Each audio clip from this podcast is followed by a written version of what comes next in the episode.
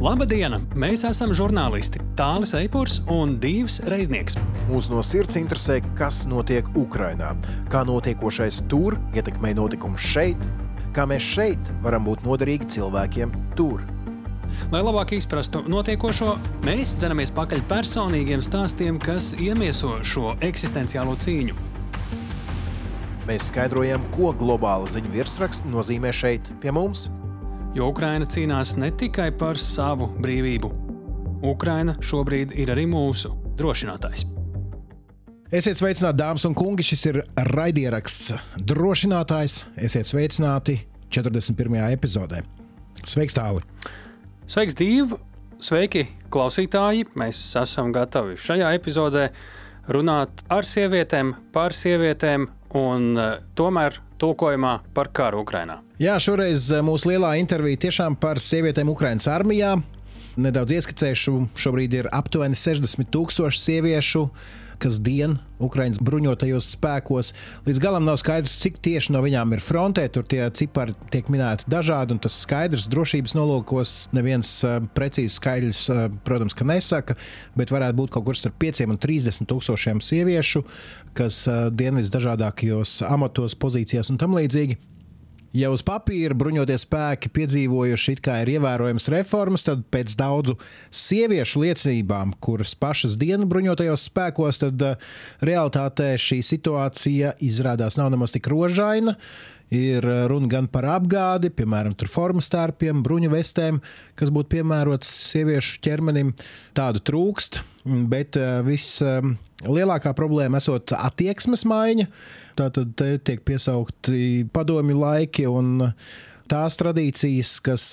Nu, protams, ka tādiem oficieriem, kuri ir dienējuši vēl padomju armijā, nu, tur esot problēmas ar šo attieksmes maiņu un jauno realitāšu pieņemšanu, bet eh, par to nebūtu neviegla saruna, bet, manuprāt, ļoti svarīga saruna ar Ukraiņas sieviešu veterānu kustības veterānka līdzdibinātāju un pašreizējo vadītājs vietnieci Katarīnu Primaku tas, kā ierasts raidieraksta otrajā daļā.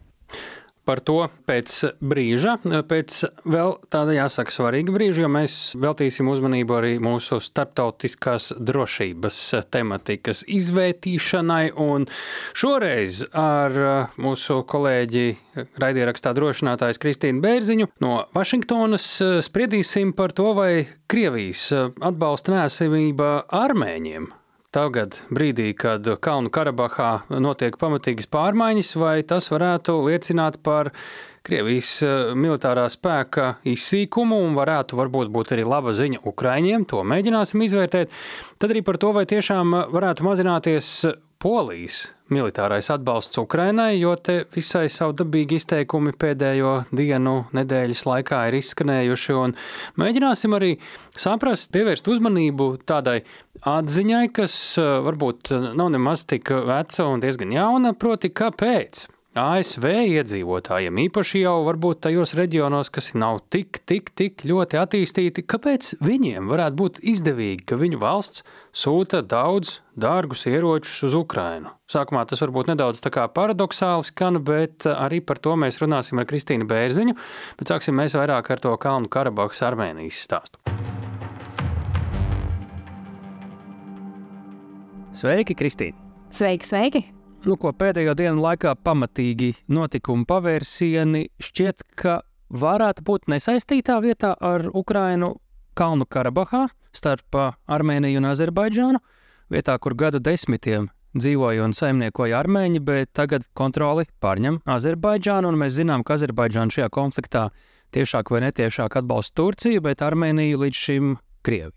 Ko šis liecina par Krievijas resursiem? Spējām, interesēm, redzot, ko viņi nespēja darīt, atbalstot armēņus, kas līdz šim ir viņiem izdevies vairāk vai mazāk, un kā uz šiem notikumiem būtu jāraugās Ukrāņiem, kas karo ar Krievijas armiju. Pirmais jautājums ir par to, vai Krievija ir bijusi spējīga darīt to, ko tā solīja Armēnijai un Kalna Karabahai. Nē, Krievijai bija pēc 20. gada norunām jāaizstāv armēņus Kalna Karabahā un jānotur tur miera stāvokli. Azerbaidžāna iebruka pirms nedēļas Kalna Karabahā, un šobrīd ir milzīgas bēgļu plūsmas no Karabahas uz Armēniju. Krievija nav izpildījusi to, ko Krievija solīja. Un pavisam dabīgs jautājums tad rodās Armēņu pusē. Vai uz Krieviju varēja paļauties, vai uz Krieviju vēl varēs paļauties? Un izskatās, ka tā atbilde ir bijusi nē. Un skatās, kas tagad pēdējās dienās notiek. Tagad Armēnijā ir ieradušies pat ASV augstākās amatpersonas Samanta Powera, Amerikas Startautiskās attīstības aģentūras, tātad humanitārās palīdzības aģentūras galva, arī uh, Amerikas valsts departamenta sekretāra vietnieci ir ieradušies tagad Armēnijā un atbalsta un uzklausa to, kas ir nepieciešams bēgļiem un kas notiek Armēnijā.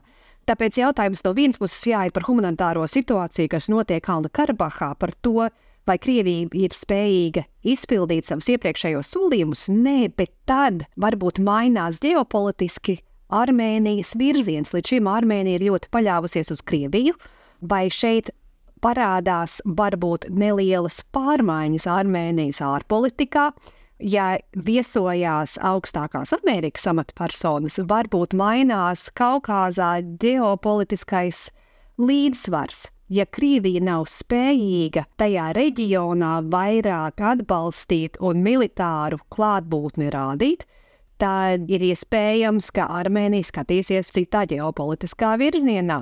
Cik lielā mērā tas attiecās uz Ukrajinu? Būtu labi teikt, ka ja Krievija nav spējīga šobrīd sūtīt vairāk palīdzību uz Armēniju, ka Krievijai izsvīkst spēki tādā globālā mērogā. Varbūt, jā, bet vai tas nozīmē, ka uz frontes kaut kas mainīsies? Tur es teiktu, drīzāk nē. Varbūt Krievija cenšas uzkrāt un koncentrēt savus spēkus tieši uz frontes līnijas, īpaši tāpēc, ka ir bijuši jauni panākumi Ukrainai uz tās frontes līnijas.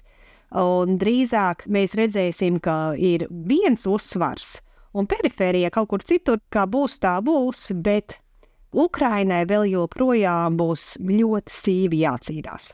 Tad drīzāk mēs varētu teikt, ka Ukrainu mazāk ietekmē tas, kas notiek Karabahā, bet Karabahā gan tas, kas tur notiek, ir uh, ietekmēts no tā, kas notiek Ukrainā. Tā noteikti ir, un arī jebkurai citai vietai, piemēram, Vidusāzijā, kur Krievijai ir bijusi agrāk lielāka ietekme, tur arī Krievija var zaudēt to ietekmi, vai piemērs arī citiem reģioniem, ka ja iepriekš varēja paļauties uz Krieviju un vairāk varēja atbalstīt Krieviju ar solījumu, ka Krievija atbalstīs arī to zemi, šobrīd neizskatās, ka var pārāk paļauties uz tādiem solījumiem. Tik tālu par Dienvidkaukāzu, bet pēdējās nedēļas laikā ļoti skaļa atbalsts ir bijusi Polijas premjerministra Matejuša Moravecka paziņojumam, ka viņi, poļi, tātad jaunus ieročus Ukrainai vairs nepiegādā. Un tagad viņi domā par pašas Polijas bruņojumu modernizēšanu.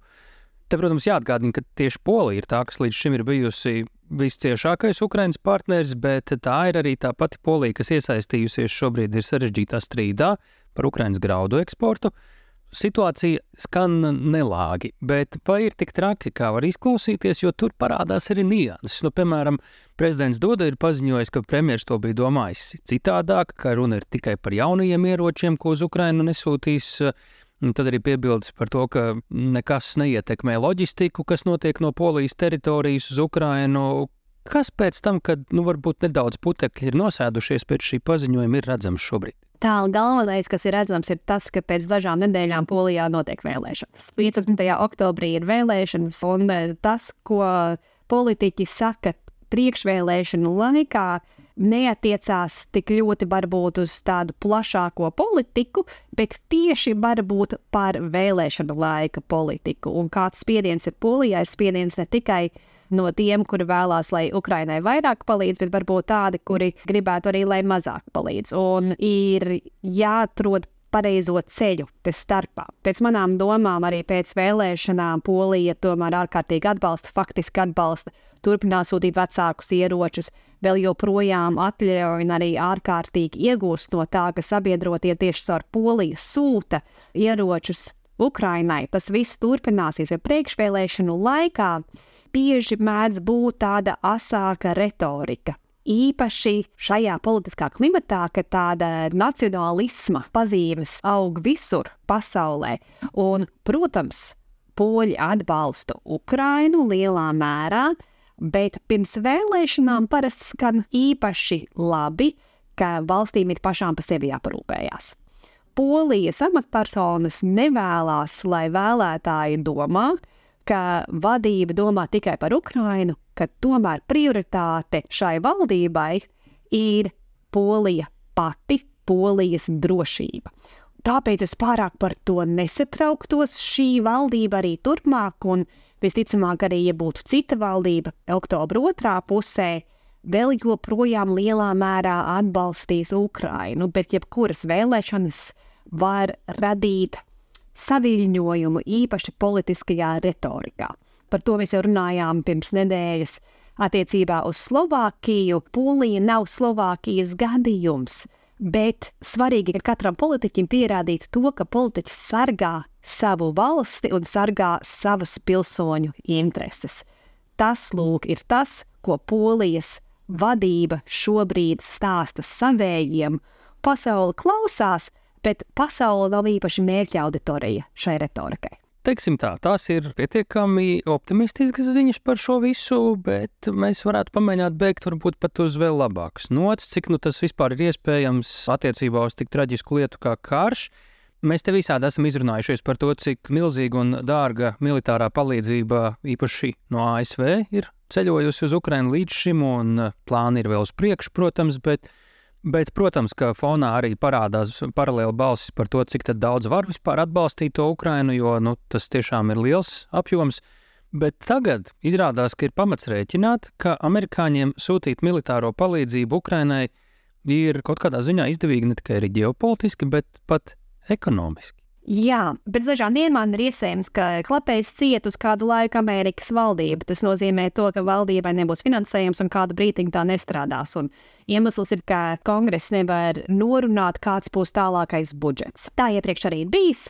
Viens jautājums šajā lielajā nekārtībā ir tas, vai Ukraiņa saņems tālāku militāro atbalstu un, un vispārēju atbalstu. Bet jāskatās, ko Amerika tieši visvairāk gādā Ukrainai, un militārā palīdzība no Amerikas ir bijusi ārkārtīgi izšķiroša. Runa par Haimāras sistēmām, iepriekšējā par Javelins, par vai no Amerikas F-16 lidmašīnām, kuras tik ļoti gaidītas tiek par Bredlī transporta līdzekļiem. Jā, viss ir Abrams tankiem, kuri vēl tagad nāks arī klāt. Amerikas militārā palīdzība ir bijusi izšķiroša. Ko tas nozīmē, kad Amerika kaut ko sūta? Tas nozīmē, ka militārais ekipējums tiek aizsūtīts uz, uz Ukrajinu, bet tad Amerikas valdība atmaksāja saviem arī aizsardzības sektoru uzņēmumiem par to, lai aizpilda to, kas ir tagad iedots. Tas arī var turpināt veicināt un arī finansiāli atbalstīt inovāciju un jaunu tehnoloģiju attīstību. Iemesls, kāpēc mēs baidamies par to, vai pietiks artērijas šāviņu un tam līdzīgi, ir tas, ka jau gadu desmitiem šāda veida karam nav saražota pietiekoši daudz munīcija, nav bijusi saprašana. Īpaši aizsardzības sektorā, ka vecmodīgā kara ekipējumam arī vajag resursus un vajag ieguldīt. Amerikā, protams, ir vienmēr bijuši ļoti lieli militārie tēriņi, liels atbalsts aizsardzības sektoram, bet pēdējā laikā tas ir bijis vairāk uz nākotni orientētā virzienā. Piemēram, F-35 lidmašīna, kur Amerikā pazuda, avarēja pat nevarēja atrast tās neredzamās lidmašīnas, tādas ļoti interesantas uz nākotni orientētas tehnoloģijas, tajās iegūt, un tās, protams, ir ļoti interesantas. Bet Ukrainai vajag to vispraktiskāko, to vienkāršāko. Un manā sarunās ar aizsardzības sektoru ir bijusi pat šī kara laikā skepse par to, vai nākotnē tas tiešām vēl joprojām būs vajadzīgs, vai mums vajadzēs vēl ražot šādus pēdiņās vecmodīgus ieročus, kā piemēram pat Haimars sistēmas, kuras ir ārkārtīgi būtiskas Ukrainā un būtu jebkurā karā, piemēram, Eiropā. Iemesls, kāpēc ir takams arī velkās, ir jautājums par to, cik tādas ir un kur tās drīkstētu sūtīt un kāds ir pielietojums raķetēm. Ir skaidrs, ka ir pieprasījums tagad Eiropā un pasaulē šādiem ieročiem, bet tas signāls nebija līdz šim vēl nonācis atpakaļ pie ražotājiem. Kāpēc tas palīdz Amerikai pašai? Amerikā īpaši reģionos ražo šos ieročus. Haimārs ražo Arkansas štatā, tas ir štats, no kura eh, prezidents eh, Bills Klintons bija, bet pēdējā laikā tas ir republikāņu eh, štats vairāk bijis. Mazā pilsētiņā ražo Haimāra sistēmas, un tur tagad darba spēku palielina par 20%. Ir nepieciešams tankus ražot Ohio štatā. Ohio daudz runās priekšvēlēšanu laikā, tāpēc ka Ohio ir ļoti politiski nozīmīgs štats, un Ohio senators Džīrī viens ļoti skeptiski uztver atbalstu Ukrainai. Un šobrīd ir drusku nesakritība starp to, ka tie štati, kuros ražo daudz aizsardzībai nepieciešamus ieročus, gan Amerikai, gan Ukrainai ir tieši štati, kuru senatori un kongresmeņi skeptiski uztver jautājumu, vai būtu jāatbalsta Ukrainu. Nesakarīga situācija, bet ar atbalstu Ukrainai Amerika arī daļu iegulda atpakaļ savā aizsardzības sektorā, veicina ražošanu, kas atkal stiprina Amerikas aizsardzību un arī Amerikas sabiedroto aizsardzību. Un līdz ar to cilvēkiem Amerikā, iedzīvotājiem, vienkārši sakot, ir vairāk naudas. Jā, par naudu vien tā ir viena lieta, bet tāpat kā Latvijā, Amerikā ir svarīgs jautājums.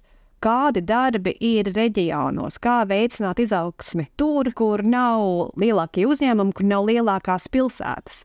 Un tieši aizsardzības sektors ir tas, kas mēdz arī būt laukos. Tad laukos ir darba vietas, laukos ir skolas, un eh, šīs debatas var būt nemaz nebūs svešas arī latviešiem. Uz šādas nots sakām šoreiz paldies. Trīs svarīgus, es pat teiktu, vairāk tematus esam apsprieduši. Kristīna, tiekamies nākamreiz. Tiekamies pēc nedēļas.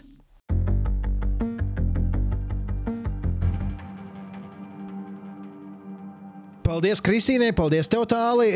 Nu, jā, dažas lietas eh, kļuvu skaidrākas. Eh, un Paldies par to. Jāsaka tā, ne tikai skaidrākas, bet varbūt arī, nu, ja neskaita to, ka Krievija Armēnijā tur diezgan vāji uzvedas, ja tā var maigi sakot, teikt, ka tas, diemžēl, neko par ļoti daudz labu Ukrainai nenāk, tad, nu, stāsts par Poliju un ieročiem, stāsts par Ameriku un ieročiem, nu, te mēs sadzirdējām arī tādas optimistiskas notis, un, un jāsaka tā, to apliecina arī gan tikko Kristīnas stāstītais un ne bez pamata, jo viņas pārstāvētais Vācijas Māršala fonds arī ir diezgan sirsnīgi papētījis šo lietu, kā tad īsti šī ASV milzīgā ieroču palīdzība Ukrainai ietekmē Amerikas Savienotās valstis. Un, uh, mēs arī atradām, ko par to saka paši ASV politiķi, jo nu, viņiem arī savi vēlētāji ir jāpārliecina par saviem lēmumiem. Un, lūk, ko ASV raidsabiedrībai CBS saka senators Lincijs Grējams. Cilvēki man jautā, vai tas ir tā vērts, bet lūk, kāda ir atdeve no mūsu ieguldījuma. Mēs neesam zaudējuši nevienu karavīru, esam samazinājuši Krievijas armijas kaujas spēju uz pusi. Šīs amerikāņiem ir ļoti labs ieguldījums, labākā nauda, ko jebkad esam iztērējuši, kopš palīdzējām Čērčilam stāties pretī nacistiem. Jā, paldies. Tas bija um, ASV senators Lincijs Grēms. Um, man vēl aizvien, godīgi sakot, tā ir mistērija. Nesaprotot, kā ASV politiķiem neizdodas nodot šo vēsti skaidrāk uh, saviem vēlētājiem par to, ka patiesībā ar Ukraiņas rokām tiek iznīcināts viņu viena no lielākā ienaidnieka militāriem potenciāliem, un, un ka tā tiešām, kā Grējams teica, ir ļoti labi iztērēta nauda. Vēl, protams, Nē, es dzirdēju vēl kādas versijas, kur kāds varētu paņemt kādu teritoriju tagad, kad bija redzams, ka Krievija armēņiem neies palīgā. Nu, kā tur ar Japāņiem, Kurilu salām, ķīniešiem. Te jau daudz Sibīriju. kas ir. Nu, es tev sūtīju to jociņu, kur tāds uh, interneta dialogs, ja, kur. Uh, pastāsti, pastāsti publiski arī. Klausītājiem, jā, kur uh, nu, tāds mazs dialogs. Krievija, mūsu valstī nav robežu. Ķīna, ok. Nu, tā apmēram, ja. Bet uh, es nezinu, vai tu tas bija vai kāds cits, kas man uh, jautāja, nu, ko Grūzija tagad domā par savu Abhāziju, par savu Dienvidosetiju.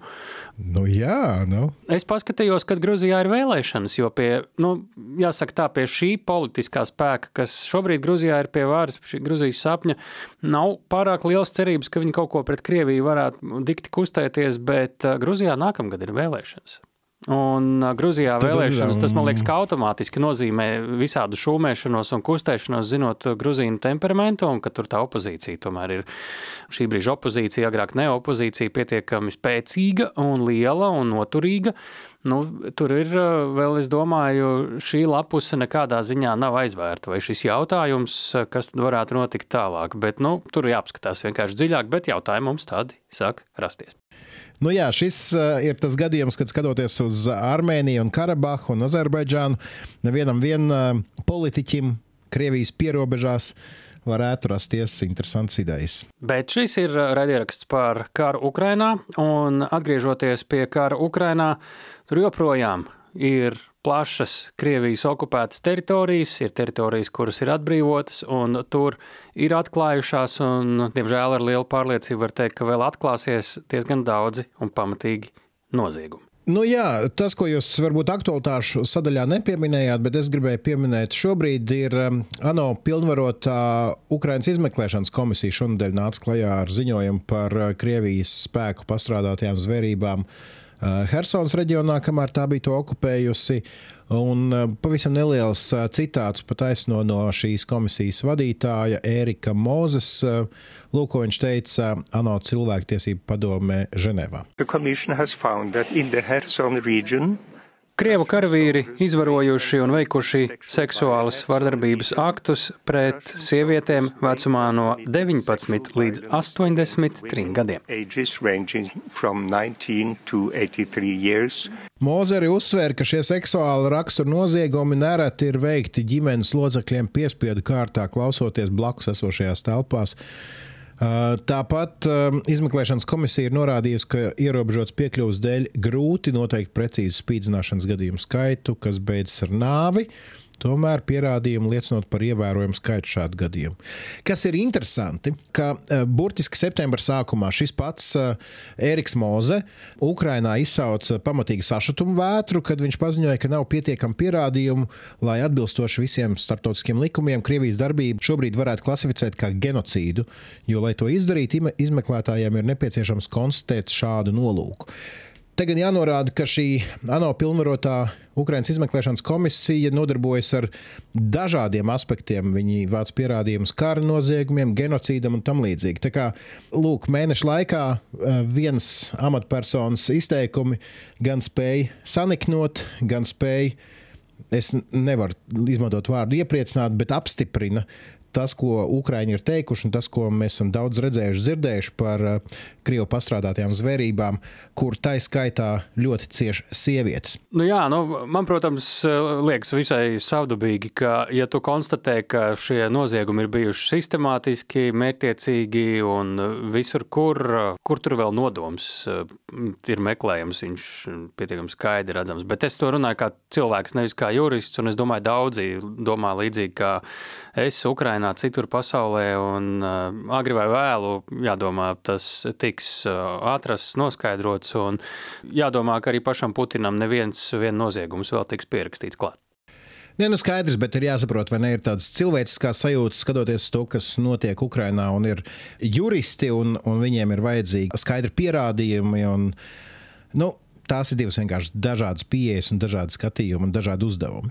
Bet uh, šajā reizē Paturpināsim par sievietēm, šajā gadījumā par uh, sievietēm armijā. Es biju uzgājis uh, interesantu stāstu par kādu uh, Ukraiņas veterāņu kustību, kara veterāņu, sieviešu kustību, kur šuja formas, armijas formas īpaši sievietēm. Tad nu, man tas šķita interesanti, uzgāju šo organizāciju. Šī organizācija ir Ukraiņas sieviešu veterānu kustība Veterānka. Uh, uzrunāju tās līdzdibinātāju un šobrīd uh, vadītājs vietniece Katerīna Primaku. Un teica, o, man interesē, kas te notiek, kā jūs, kāpēc šujiet, kāpēc šāda vajadzība, kā sākās. Nu, un patiesībā mums saruna uh, sanāca krietni plašāka un tādā loģiskajā ķēdītē, krietni dziļāka. Un patiesībā šis stāsts būs nevis par sieviešu formām, bet gan par sieviešu vietu Ukraiņas armijā. Es pat teiktu tā, sieviešu lomu, sieviešu ietekmi, tiesībām, sekām, kādas ir sieviešu ienākšanai Ukraiņas armijā un tā tālāk. Un eh, tas parāda arī vispār to Ukraiņas armijas kopējo attīstības stadiju, kāda tā ir šobrīd. Nu jā, jo man šķiet, pirms nedēļas vai divām mēs runājām par aizsardzības ministrijas eh, vadības tīrīšanu. Un tad konkrēti es pieminēju, ka bruņotie spēki tika būt reformēti, bet ministrija vēl nē, lūk, arī ministrijas laiks pienācis. Bet eh, šodienas sarunā izgaismojas, ka ne viss ir tik labi kā uz papīra. Bet nav arī tik slikti, kā mēdz teikt kādreiz. Ja? Man ļoti patīk šajā sarunā, kas, ko jūs arī dzirdēsiet, ka tā nav melnbalta. Tieši tā, Katerīna nolika man pie vietas, sakot, ka nav tā vai šādi. Ir arī pa vidu. Ja? Uh, bet pavisam īsi par pašu Katerīnu. Pirms 2014. gada notikumiem Ukrajinā, kad sākās šī revolūcija un maidans, viņa bija uzsākusi ceļu mākslas pasaulē, viņa bija ieguvusi kultūroloģijas izglītību, strādāja mūsdienu mākslas centrā. Taču, kad sākās Maidans, tātad šī cilvēku sacelšanās um, galvaspilsētā, viņa ar pilnu krūti metās iekšā šajā visā aktīvismā un um, tad, kad jau Ukrainas teritorijā ienāca Krievu okupanti 14. gadā. Tad dzīve viņa aizveda pavisam citā virzienā, proti, viņa iestājās valsts aizsargu rindās. Par to viņa pastāstīs pati nedaudz plašāk, bet es tikai piebildīšu, jā, ka pēdējos astoņus gadus viņa ir nodevusies sieviešu tiesību aizstāvībai bruņotajos spēkos, un Kā mēs noskaidrosim, darāmā tur ir daudz, daudz kas ir izdarīts, bet vēl ļoti daudz kas ir jāizdara. Nu, ko ir laiks intervijai, bet pirms mēs to klausāmies, tad eh, jāatgādina, ka to daļu jūs to dzirdēsiet ar tulkojumu latviešu valodā, bet, ja vēlaties dzirdēt sarunu, kas šajā gadījumā notika oriģinālā krievu valodā, tad raidierakstu platformās vai Latvijas radio mobilajā lietotnē turpat blakus jābūt arī ir tieši šai intervijai, tikai un vienīgi, lai jūs gribat dzirdēt pašas Katrīnas Primaks balsi, tad eh, varat klausīties arī atsevišķi interviju. Bet tagad gan klausāmies sarunu ar Ukraiņas sieviešu veterāņu kustības veterānka līdzdibinātāju un pašreizējo vadītājs vietnieci Katerīnu Primaku.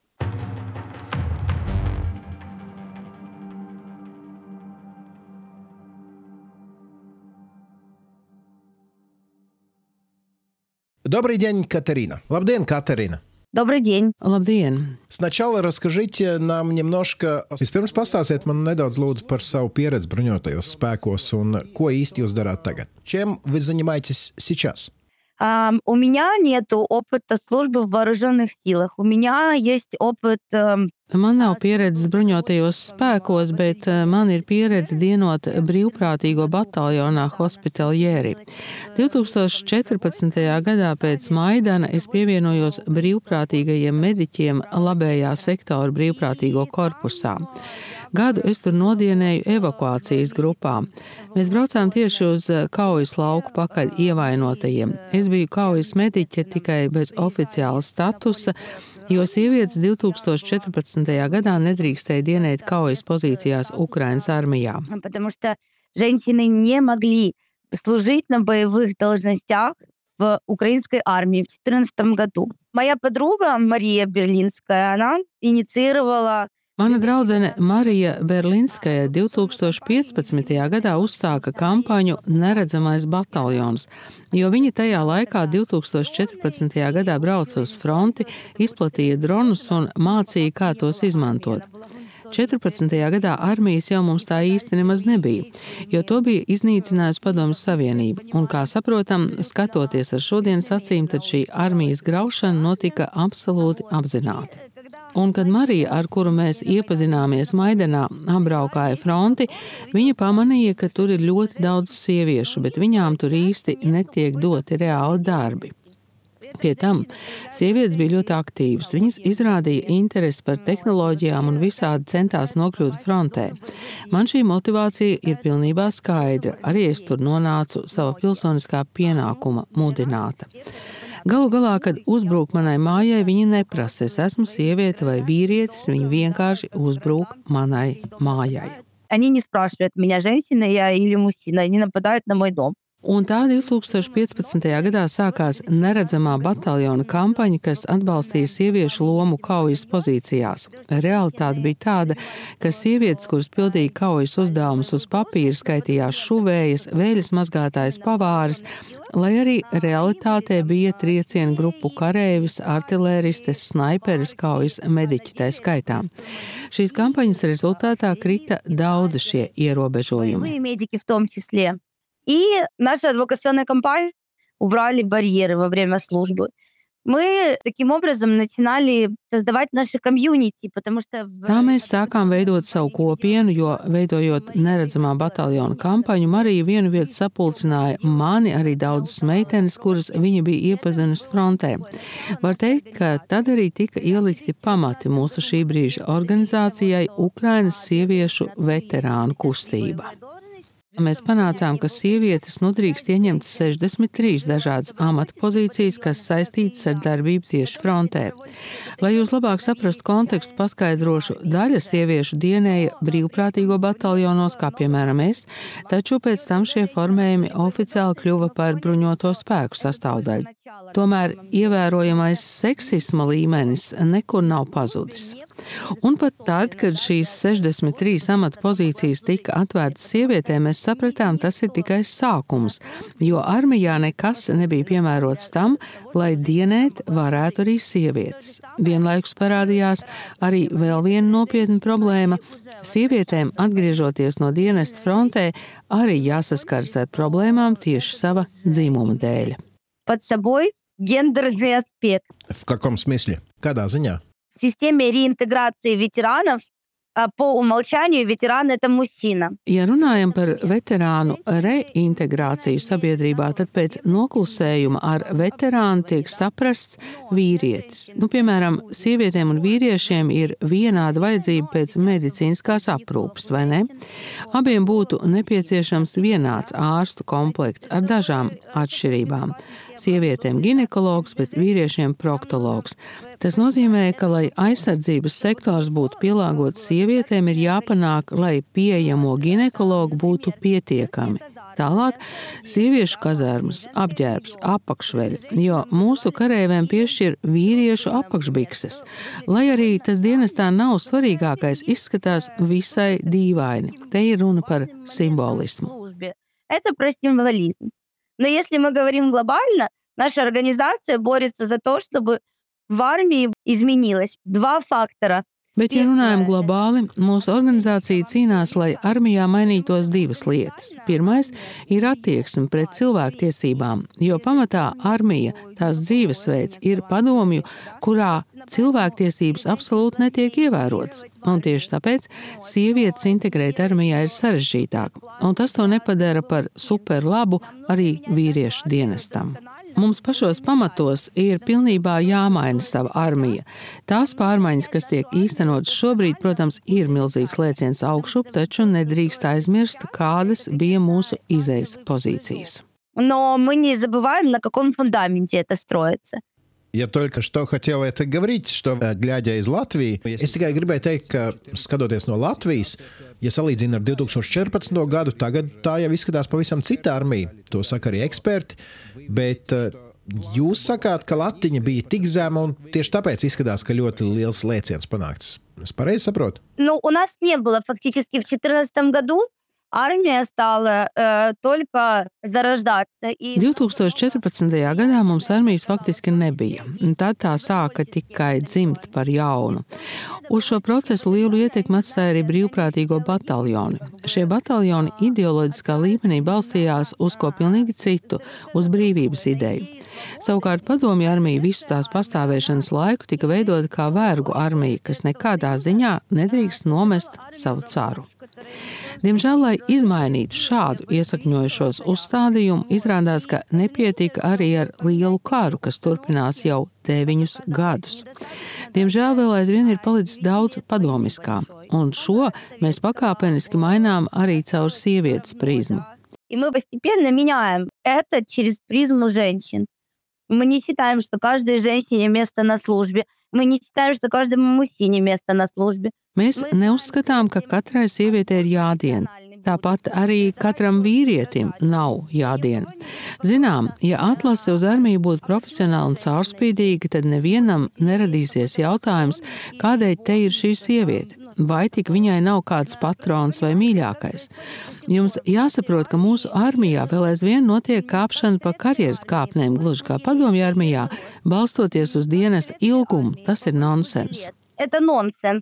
То есть у тебя есть звание, там, я не знаю, да, капитан, майор, Ir rangs, teiksim, kapteinis, majors, pulkveža leitnants, pulkvedis.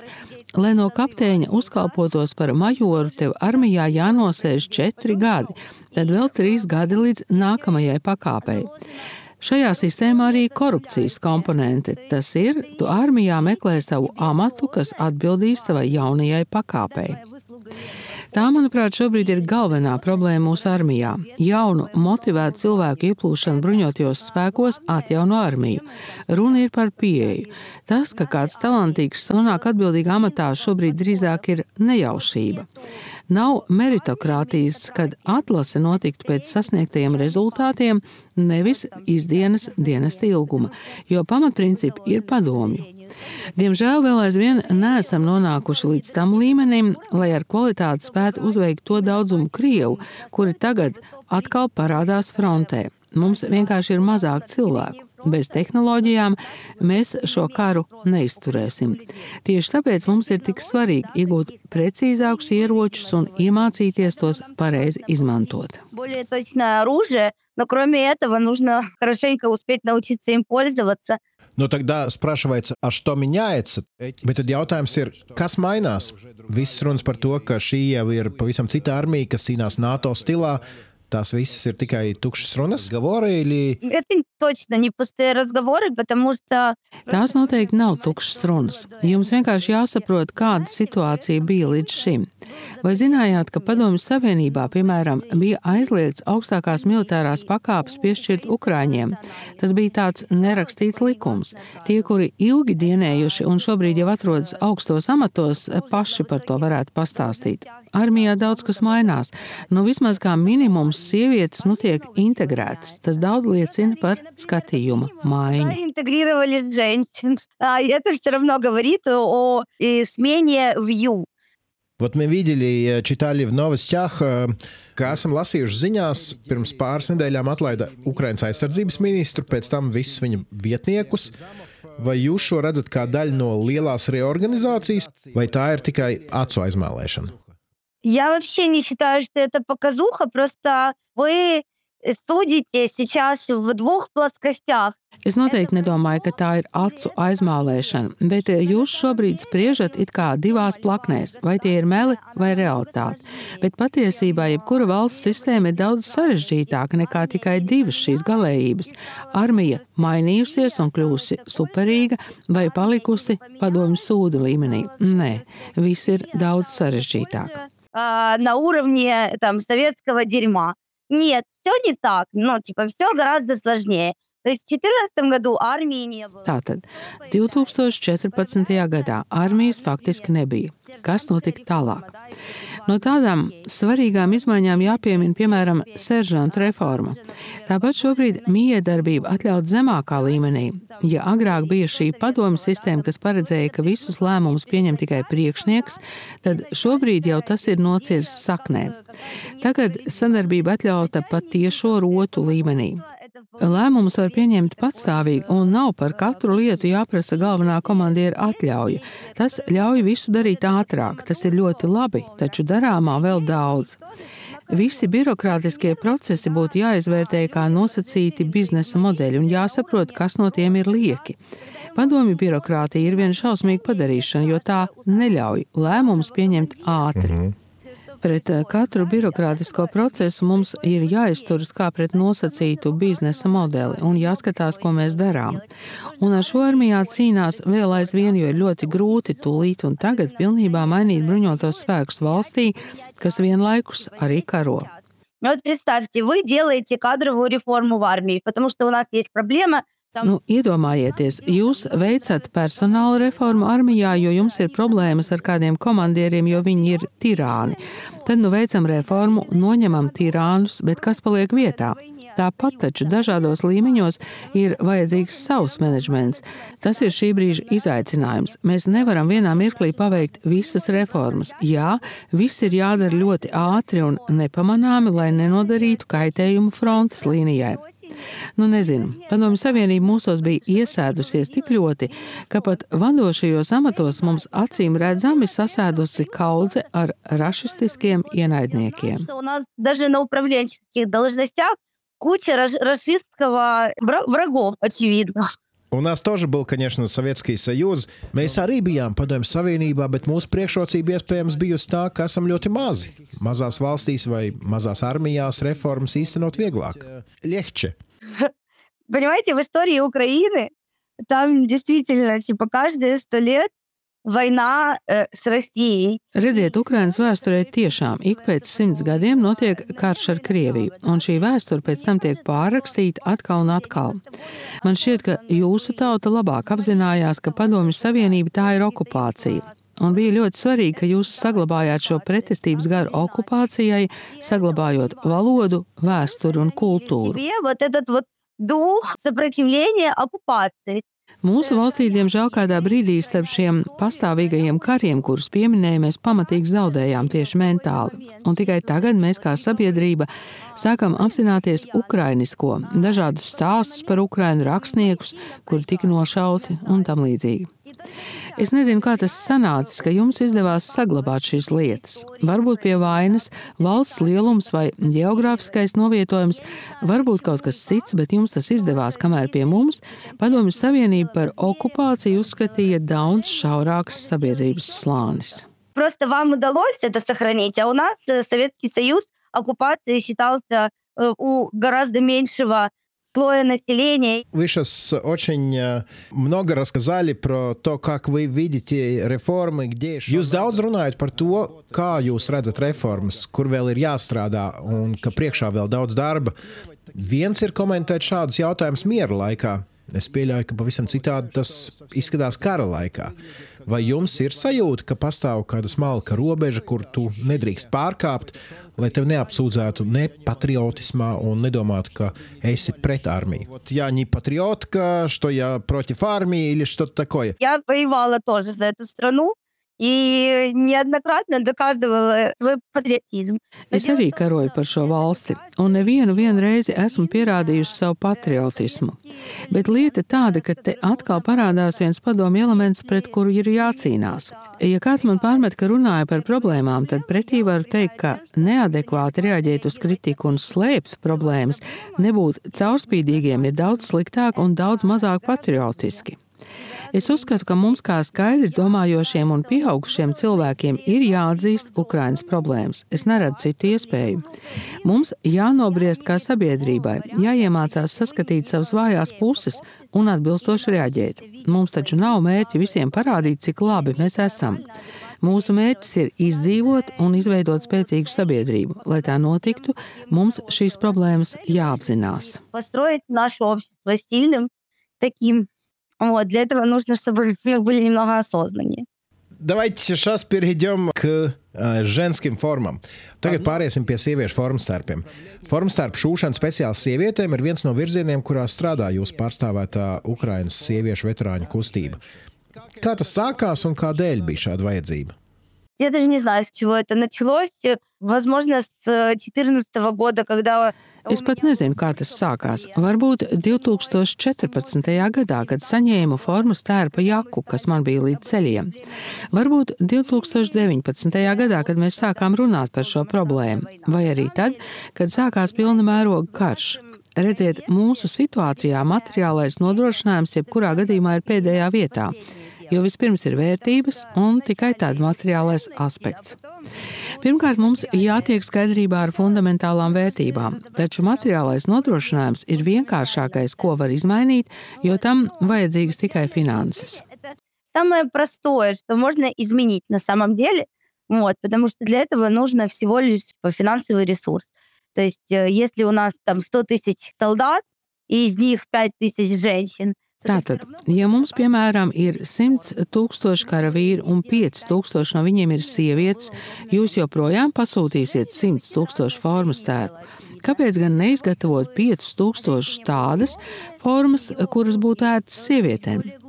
Sievietēm un vīriešiem ir atšķirīga ķermeņa uzbūve. Lai sievietei būtu ērtāk, viņas biksēm ir jābūt dziļākām.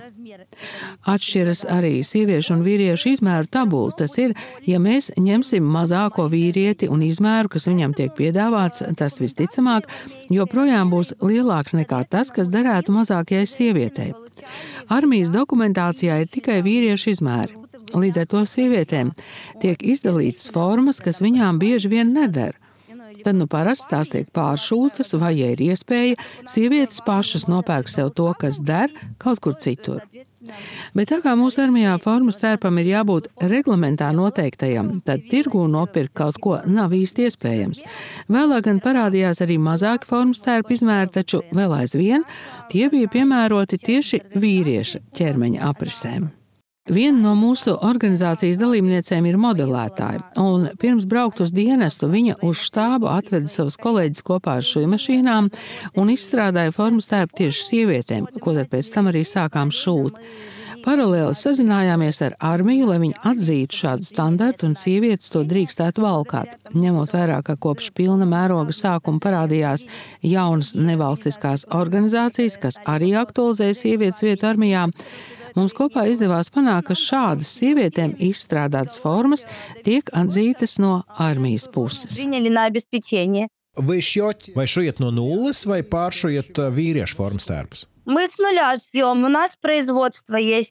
Mēs ražojam no nulles. Mums pašiem ir sava ražotne, kurā šujam gan organizācijas suvenīru krāklus, džempers un tam līdzīgas lietas, ko pārdodam, lai gūtu līdzekļus darbībai. Tāpat tur šujam arī formas tērpus. Bet, ja pie mums atnāk sieviete ar savu formas tērpu un viņai vajag to pāršūt, tad mēs darām arī to. Perед našim razgovoram, ja speciāli pirms mūsu sarunas es sazinājos ar Latvijas armiju un jautāju, kā mums klājas šajā jomā. Viņi man paskaidroja, ka, ja runājam par kaujas formstarpiem, tad tie ir vienādi, nav atšķirības sievietēm vai vīriešiem. Tāpat runāju ar kādu labu paziņu, kur ir mūsu zemesardzē, kas ir kas līdzīgs jūsu teritoriālās aizsardzības vienībām. Viņi stāstīja, ka saņēmusi pilnu ekipējumu, tā skaitā vīriešu apakšbikses. Nu, viens ir forma mācībās, bet es pieņemu, ka pavisam citādi ir, ja es kara darbībā. Latvijā nav īpaši daudz cilvēku, kuri varētu saprast, ko nozīmē šī atšķirība. Pastāstiet par savu vai jūsu draugu pieredzi, kādēļ šis, jūsuprāt, ir svarīgi. Ну, потому что ты и так э, чувствуешь себя как šaltāji-baltāji. Nu, tu vienkārši jūties kā tāds stūļa, ir ļoti nērti. Tev vienmēr virsū 13 kg smaga bruņu veste. Piemēram, mana kaujas mediķa soma, tie bija vēl 20 kg. Kaujas laukā tev daudz jāliecas, jākrīt, jāpalīdz ievainotajiem. Ir svarīgi, lai ķermeņa kustības netiek ierobežotas vai kaut kas nekrīt nost. Piemēram, ja skrienu prom no raķetes eh, trieciena, ir būtiski, lai tajā brīdī nesapīto savās biksēs vai garajā jakā. Ja man vienlaikus ir jāskrien un jāpietur bikses, skaidrs, ka tas man būs traucēklis. Tātad, jo ergonomiskāk, jo labāk, lai nekas nevarētu palielināt risku tavai dzīvībai. А если у тебя, например, большая грудь и узкие бедра, да, Bez tam forma var būt ne tikai nērta, ir cits jautājums. Piemēram, ja jums ir lielas krūtis un šauri gurni, kādu izmēru formu ņemt, tādu, kas derēs krūtīm vai gurniem. Tev pēc tam paplašināt jaku vai iešūt bikses, turklāt vīriešu biksēm ir zemāks piegriezums nekā piemērots sievietēm. Tas nozīmē, ka tās joprojām slīdēs nost. Вопрос формы – это вопрос не только Jautājums par formas tērpiem jau ir jautājums ne tikai par apģērbu, bet arī par attieksmi pret sievietēm. Vai tā to redzat? Я убеждена в том, что это именно так. Es esmu pārliecināta, ka tieši tā tas arī ir. Mēs visas sievietes, kas dienē šī dienesta labā, ir gatavas darīt visu iespējamo. Arī pārvarēt barjeras un pašas pirkt sev formas tērpu. Taču tas tiešām ir jautājums par to, kā armija pieņem vai nepieņem savā pulkā sievietes. Bet, nu jā, sieviešu dienestā vēl aizvien palikuši daudz zemūdens akmeņu. Сколько людей работает сейчас? Cik cilvēku šobrīd strādā jūsu darbnīcā? Un cik formas jums izdodas uzšūt? Ой, нам нужно понимать, что наша организация – это не только мастерская. У нас Jums jāsaprot, ka mūsu organizācija tā nav tikai šūšanas darbnīca. Esam sabiedriska organizācija, kas nodarbojas ar veterānu tiesību aizstāvību, kā arī to jautājumu lobēšanu, par ko jau jums stāstīju. Izmaiņām karjeras izaugsmas mehānismos, cilvēktiesību aizstāvību armijā, veterānu reintegrācijas politiku, jo tas viss ir saistīts. который собирает деньги и помогает нашей армии. Mums ir labdarības fonds, kas vāc līdzekļus, lai palīdzētu armijai. Tajā skaitā izdalām arī sieviešu formu stērpus, kurus mūsu cehā izgatavo mūsu sociālais uzņēmums. Tajā gan apmācām kara veterānis, gan tajā strādā veterānis. Как много их? Cik daudz viņi ir? Немного. Работает сейчас у нас в цеху Šobrīd nav daudz. Cehā mums šobrīd strādā četras šuvējas, no kurām viena ir veterāna. Vēl viena veterāna ir mūsu dizainere, kura izstrādāja šīs formas, kā arī viena veterāna ir piegriezēja. Bez tam mums ir vairāki brīvprātīgie, starp kuriem arī ir veterāns. Vairākas no viņām šobrīd pilnveido savas prasmes, jo pagaidām tās nav pietiekamas, lai mēs viņus pieņemtu darbā par šuvējām. Taču mēs viņus virzām uz šo līmeni, un viņas aktīvi iesaistījušās mūsu organizācijas darbā. Они ну, вовлечены в работу нашей организации. Вот, мы трудоустраиваем ветеранок, вовлекаем, делаем комьюнити. Tāpat mēs veterāniem palīdzam darba meklējumos, veidojam īstenu kopienu. Kopumā mūsu sieviešu veterānu kustībā jau ir ap tūkstošu biedru. Organizācijas vadības komandā ir 30 cilvēki, 6 strādā šūšanas cehā, un mums ir arī voluntieri. No, formu, nu, cik daudz formu var uzšūt, teiksim, vienā mēnesī, nedēļā vai dienā? Мы просто пользуемся также аутсорсом. То есть мы сейчас как раз в поиске предприятия, Mēs cenšamies izmantot arī ārā pakalpojumus. Mm, Tieši šobrīd esam tāda uzņēmuma meklējumos, jo mums pašiem, diemžēl, nav nepieciešamās kapacitātes. Dažreiz varam sašūt 100 formu stērpus, citkārt tikai 30 formas mēnesī. Bez tam Krievi ir apšaudījuši mūsu cehu. Tāpat laiku pa laikam mums nav elektrības. Pagājušajā rudenī tas bija pat kāds ilgāks periods. Mēs dabūjām ģeneratoru, taču tas ražošanas procesu sadārdzināja un paildzināja. Tagad atkal nesen mūs apšaudīja, tādēļ vajadzēja ilgāku laiku slēgt ārā gaismu. Esam gan tam gatavs, taču, protams, mums vajag vairāk formu. Tāpēc arī meklējam kādu ražotni, kas mums varētu palīdzēt. Vienu šobrīd esam atraduši, bet tur minimālais pasūtījums ir tūkstots formas stērpu. Tad nu, šobrīd sadarbojamies ar citām organizācijām, kas palīdz sievietēm, lai varētu veikt vienu kopīgu lielu iepirkumu. Mēs no militāru personām naudu par formām neņemam. Tādēļ šobrīd vācam līdzekļus, lai šo pasūtījumu īstenotu. собираем сейчас заказ, чтобы сразу много форм сделать. Придет, vai pienāks laiks, kad to darīs armija, nevis brīvprātīgie? Ну, армия сейчас уже приняла на обеспечение форму, но она приняла только летний комплект. Armija nu jau piedāvā sieviešu formas, taču tikai vasaras variantu. Viņiem ir sava specifikācija. Tagad ir piemēram vīriešu jaka un sieviešu jaka, vīriešu bikses un sieviešu bikses. Tagad ir vīriešu un sieviešu vasaras formas. Tās ir citādas nekā šajām mēs. Tās vairāk līdzinās vienotiem standartam. Sieviešu variants ir nedaudz ergonomiskāks, taču līdz ideālam tur vēl tālu. Cilvēki, kuri tieši iesaistīti karadarbības zonās, tāpat visbiežāk par savu naudu nopērk kvalitatīvākas, bet dārgākas lietas. Jo ekipējuma kvalitāte ir viens no svarīgākajiem jautājumiem.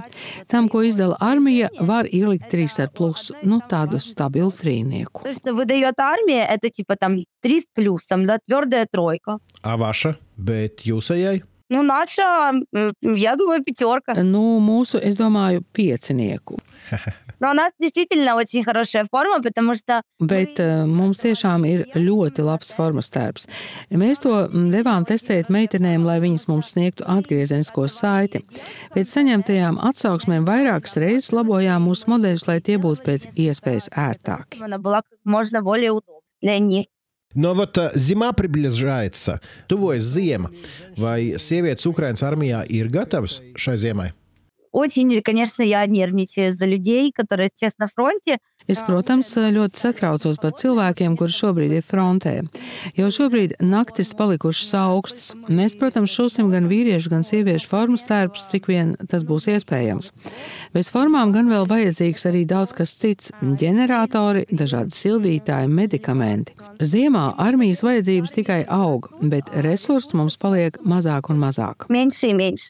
меньше. Nu, да, конечно, есть еще тема. Ja mēs runājam par sievietēm armijā, tad, protams, ir vēl seksuālās uzmākšanās tēma. Bet tā laikam būtu liela atsevišķa saruna. Очень большой отдельный разговор. Вы знаете, тут есть э, определенно проблемы как раз в том, что Ziniet, šajā ziņā noteikti ir problēmas, kuru risināšanai strādājam jau daudzus gadus. Sieviešu tiesība aizsardzības mehānisms ir um, Nu, iedomājieties, tu ej uz ģenerālštābu, bet pretī tev tur tāds padomju cilvēks, kurš pārliecināts, ka viņš zina labāk, kas sievietēm ir vajadzīgs, nekā sievietes, kas diena. Cilvēks, kurš ir pārliecināts, ka vairāk saprot par seksuālās vardarbības tēmu nekā pašas armijas eksperts. Jā, armijā tagad ir īpašs dzimumu lietu padomnieks. Ну, это у нас есть такой гендерный советник в армии сейчас, должность. Вот. И э, проблема в том, что чаще всего, если, например, командир к тебе домогается, Visbiežākā problēma šobrīd ir tāda, ka, ja tev uzmācās tavs komandieris, tev jāraksta ziņojums, lai to kaut kā apturētu. Un šis ziņojums nonāk uz galda šim pašam komandierim. Galvenā problēma ir tā, ka nepastāv efektīva cilvēktiesību aizsardzības mehānisma. Otra problēma ir pārkāpuma piesekšana, kas man jau šķiet, ka kļuvusi par vispār izplatītu problēmu. Visi piesedz viņas pāridarītāju. Nav neviena gadījuma, kad uzmākšanās gadījums beigtos ar kādu nopietnu sodu. Seksuālā uzmākšanās ir grūti pierādāma. It īpaši, ja nav notikusi izvarošana, tad kaut ko pierādīt ir praktiski neiespējami. Vai viņai kaut kas diktafonā jāraksta, lai pierādītu savu taisnību? Šis mehānisms ir vāji attīstīts, bet kopumā ņemot šī problēma nav tik masveidīga. Šī problēma ir pārspīlēta. Lielākā problēma armijā ir tā, ka sievietes netiek uztvērtas nopietni, un viņām netiek dot iespēja profesionāli attīstīties. Tā ir lielākā problēma. Самая большая проблема для женщин в армии это то, что их не воспринимают серьезно, не дают им профессионально развиваться. Вот это вот самая большая проблема. Bet iepriekš teicāt, ka pārmaiņas notikušas. Minējāt, ka 63. Я не говорила, что это поменялось. Я говорю о том, что это должно меняться. Neteicu, ka ir mainījies, taču ka vajag mainīties. Struktūrālā līmenī ir bijušas pārmaiņas, bet ideoloģiskā līmenī tās vēl nav pietiekamas.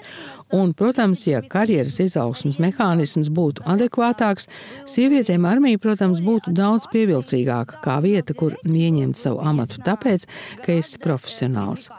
Šobrīd, ja tev ir sakarīga priekšniecība, tad varēs profesionāli attīstīties, jo normālam vadītājam ir svarīgi, lai viņa komanda būtu labi sagatavota.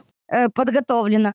Но если у тебя руководитель советское чмо, Bet, ja tavs vadītājs ir padomju ambāls, tad tā tas būs it visā. Un, ja būtu mehānisms, kas tev aizsargātu no šādiem padomju ambāļiem un nodrošinātu, ka savos amatos ir kompetenti cilvēki, tad viss būtu kārtībā. Diemžēl pagaidām tas tā nav. Пока что, к сожалению, общего правила такого нет. Но армия, естественно, изменилось очень многое, очень. Bet armija, protams, ir ļoti, ļoti mainījusies. Taču vienlaikus jāsaka, ka mums nevajadzētu sevi salīdzināt ar to praktiski nēsošo 2014. gada armiju. Mums jāmērķē uz to, lai NATO ieraugot Ukrainas armiju teiktu, viss varam izklīst, jo Ukrainas armija ir ieradusies, viņi visu nokārtos. Es, protams, jokoju, bet tas, ko gribu pateikt, ka mums savs profesionālitātes līmenis nav jāsalīdzina ar pagātni, bet jātiek tālāk uz priekšu. Jo šis ir vēl viens padomju narratīvs, kad kritizējām armijas medicīnisko spēku vadību. Viņi mums atbildēja, 2014. gadā noturējāmies, tad ko jūs mums te stāstiet, ka darām kaut ko ne tā? А война помогает в этом процессе? Vai karš palīdz uzlabot sieviešu statusu armijā? Proti, veči redz, ka sievietes arī ko spēj. Не, ну как вам сказать, ну у нас скоро закончатся люди и будут мобилизировать и женщин. Nu, ko var jums pateikt? Drīz mums beigsies cilvēki, un tad sāks mobilizēt arī sievietes. Vai jūsuprāt, tad tiks uzskatīts, ka esam panākuši dzimumu līdztiesību? Vai arī tas skaitīsies, ka mums viss ir slikti un mūsu paliek arvien mazāk? Karš nekad nekam nepalīdz. Karš tikai traucē cilvēkiem dzīvot. Nebūtu kara. Šo problēmu un ideju varbūt arī nekad nerastos. Bet, protams, karš kā faktors pātrina procesu attīstības gaitu. Dabiski. Principā karš kā faktors ietekmēja to, ka kopš 2014. gada mēs tagad esam tajā punktā, kurā esam. Taču kopumā skatoties, karš tikai visu bojā un traucē. Tas nekam nepalīdz. Ничему она не помогает. Самое последнее. Visbeidzot, mēs vienmēr jautājam saviem viesiem, ko jūs novēlētu sev. Поскорее бы жить без войны. Pēc iespējas ātrāk dzīvi bez kara. Ziniet, jebkādas citas vēlmes vienkārši nobāla, salīdzinot ar to, ka vienkārši vēlies dzīvot savu dzīvi, neko citu negribu. Es nezinu, godīgi. Visas vēlmes tik ļoti bālas blakus tam, ka tu vienkārši gribi dzīvot savu dzīvi. Tāpēc es nevēlos neko citu. Я больше ничего не хочу. Ладно, большое спасибо, Катерина. Labi, liels paldies, Katerīna. Спасибо вам. Paldies jums! Paldies divam! Un paldies arī Jekaterinai Primakai, Ukrainas sieviešu veterāņu kustības veterānka līdzdibinātājai un arī pašreizējai vadītājas vietniecei. Tātad Katerina Primaka bija, kur jūs dzirdējāt stāstām, nu, manuprāt, nu, tādā vēstures pagrieziena punktā tā saruna. Jo mēs ļoti labi no vēstures atceramies, ka tajā brīdī, kad kaut kādā veidā vairāk vai mazāk pie teikšanas tiek pielaists arī sievietes, viss neskapēc kļūst krietni vien labāk, cilvēcīgāk, saprotamāk, demokrātiskāk, daudz viedoklīgāk un, es teiktu, vienā vārdā labāk. Šajā gadījumā es domāju, ka arī mums joprojām ir daudz ko darīt arī savos bruņotajos spēkos, dzirdot, ko Dievs sacīja, ka tu painteresējies, kā tad mūsu armijā ir ar to pašu sieviešu apģērbu. Ukrainas armijā pavisam noteikti, es domāju, sievietes ienes tādu tiešāku valodu par problēmām un krietni vien padara visu caurspīdīgāku, atklātāku un sakarīgāku un cilvēcīgāku. Nu jā, katrā ziņā šī sieviešu formas tērpu jautājums mums, vīriešiem, protams, ir kaut kāds jaunums, laikam, bet patiesībā izrādās, ka nu, daudz vietu par sievietēm nav padomāts. Es atradu, piemēram, Šveices armijā. Sievietēm atļāva nevilkt vīriešu apakšveļu 2021. gadā.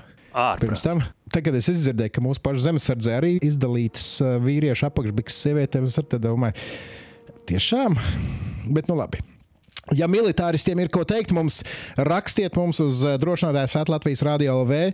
Ja jūs gribat atbalstīt šo Ukraiņu veterāņu iniciatīvu, jūs varat, piemēram, vai nu viņiem ziedot, vai arī nopirkt kādu merču. Viņu mājaslapa ir uwvm.org.ua. Un tur vēl dažādi linki. Atrakstiet mums, ja jūs gribat konkrēts links, aizsūtīšu vai ietegojiet man kādos sociālos tīklos. Tu vienkārši ņem un ieliec Twitterī savā divu. Vai es Twitterī vienkārši ielikšu? Jā, es ielikšu Twitterī. Sarunāts. Tas šai reizē viss no manas puses. Tev tālāk kaut kas sakāms vēl? Nu, man ir dažas svarīgas lietas. Visu šo droši dalieties ar citiem, lieciet ikšķīšus, plusiņus vai ko no jūsu raidierakstu platformas klausīšanās vietā var salikt, dalieties ar visiem citiem. Ieiet arī drošinātāju mājaslapā, vienkārši rakstiet drošinātājs, tad jau atradīsies tur kaudze ar citām epizodēm, vai arī jūsu raidierakstu sarakstos ieraudzīsiet tos, klausieties. Nu, rakstiet mums, rakstiet, rosiniet jaunus tematus, izsakiet komentārus par līdzšinējiem, un rakstīt jūs mums varat e-pastā drošinātājs at Latvijas radio.clv, vai arī meklējiet divu reiznieku tālu e-puru sociālajos tīklos, ja ieliksiet temtūri drošinātājs, tad ātri vien kaut kur uzdursieties, kā mūs var dabūt rokā. Nu, ko, laiks teikt jums visu labu, sardzēšanos pēc nedēļas un atcerieties, drošinātājs. Tas ir skaidri un personīgi par karu Ukrainā.